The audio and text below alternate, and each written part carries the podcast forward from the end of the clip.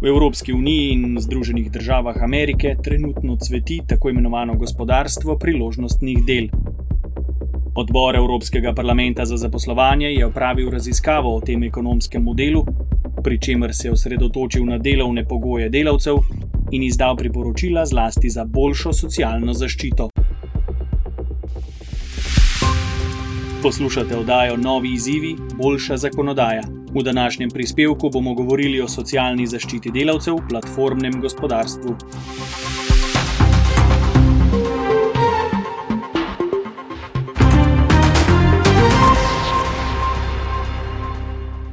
Ko želimo naročiti taksi, najti počitniško nastanitev ali poiskati pomoč pri sestavljanju pohištva, nam tako imenovano platformno gospodarstvo oziroma gospodarstvo priložnostnih del ponuja ustrezne rešitve, do katerih lahko pridemo le z nekaj kliki.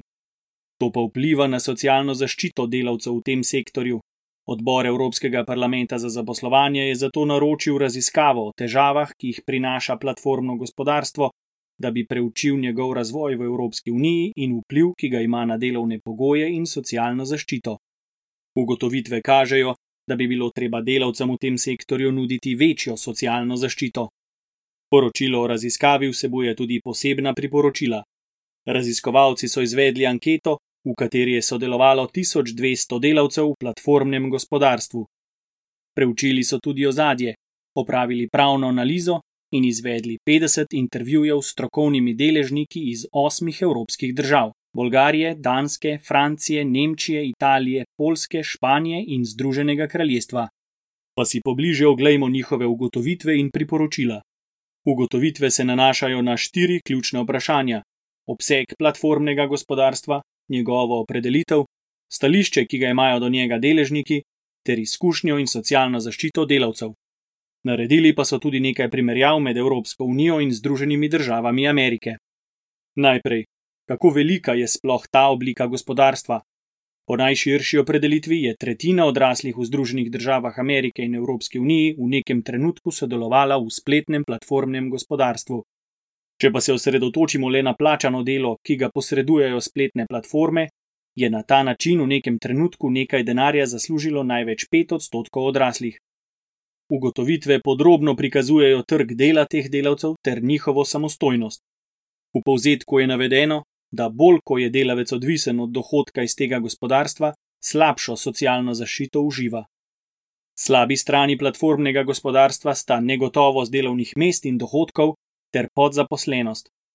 Delavci so imeli v nekaterih državah težave, saj so se znašli v sivem območju med statusom delavca in samozaposlenega, zaradi česar niso imeli koristi od samozaposlitve, kot sta nadzor nad delovnim časom in izbira dela, hkrati pa se niso mogli zanesti na stalni dohodek. Vendar pa je anketa, v kateri je sodelovalo 1200 vprašanih, razkrila tudi pozitivne strani. To sta razmeroma visoka raven zadovoljstva pri delu in dobro čustveno počutje delavcev v sektorju. Če želimo pripraviti boljše zakone in se osredotočimo na težave, ki jih ta oblika gospodarstva prinaša, ugotovimo, da so delavci v tem sektorju nezadovoljni s poklicnimi možnostmi, višino plač, premajhno samostojnostjo pri opravljanju nalog in negotovostjo zaposlitve. Odstotek vprašanih, ki so izrazili zadovoljstvo glede varnosti zaposlitve, je bil naprimer precej nižji od reprezentativnega poprečnega deleža na drugih evropskih trgih dela. Višina prihodkov v sektorju je bistveno nižja od minimalne plače v evropskih državah, pa tudi v Združenih državah Amerike, Razlika med poprečno plačo v platformnem gospodarstvu in nacionalno urno postavko je z nekaj več kot 54 odstotki največja v Franciji, najmanjša pa v ZDA, saj znaša tam le malce več kot 3 odstotke.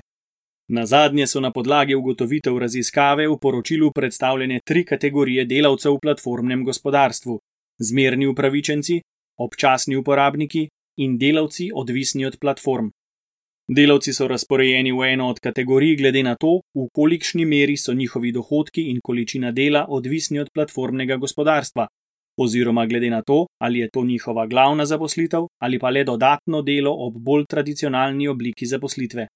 Kakšne so ugotovitve te raziskave? Platformno gospodarstvo je že zdaj pomemben del gospodarskega življenja v Evropski uniji, njegova vloga pa se bo v bližnji prihodnosti še povečala. Stopna zaposlenosti v njem je zaenkrat zanemrljiva, vendar bo v naslednjih letih predvidoma hitro naraščala. Trenutno morda res še ne potrebujemo zakonov, ki bi urejali socialno zaščito teh delavcev, vendar moramo ta vprašanja obravnavati zdaj, preden bo to res nujno potrebno. Prakse se med različnimi državami razlikujejo, kar pa vpliva na razvoj platformnega gospodarstva. Ključno vlogo pri tem imajo države same, vendar so lahko dobre prakse na nacionalni ravni vzorec za prenos na širšo raven unije. In kaj so resnični izzivi?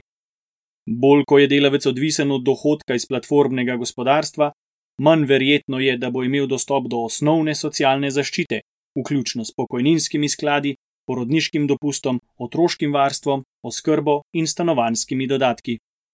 Pomembno je izpostaviti, da kadar ima delavec dostop do socialne zaščite, je to običajno zato, ker ima poleg dela v platformnem gospodarstvu zaposlitev tudi zunaj platformnega sistema. Kakšna priporočila so raziskovalci dali oblikovalcem politike na nacionalni ravni in ravni unije glede spopadanja s temi problemi? Boljšo socialno zaščito bo mogoče doseči tako, da se spremeni pravna opredelitev zaposlitve in da se vključijo alternativne oblike. Oblikovalci politik morajo pregledati obstoječe zakone in jih prilagoditi porastu digitalnih platform. S tem bi preprečili izključenost delavcev iz socialne zaščite. Še prej pa morajo poiskati jasne rešitve na treh področjih. Najprej morajo obrniti dokazno breme pri ugotavljanju statusa zaposlenega, kar pomeni, da bi morali zaposlitveni status dokazovati delodajalci in ne plačani delavci. Pomembno je tudi, da pravni zaposlitveni status ureja neodvisen organ in ne sodišča.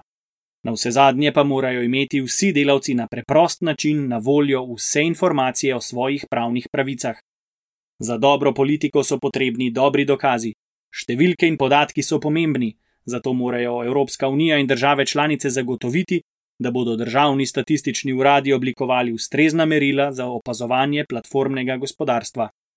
Na koncu naj povemo še, da je ta raziskava potrdila številne predloge Evropskega parlamenta iz resolucije o Evropski agendi za sodelovalno gospodarstvo, ki jo je sprejel junija 2017.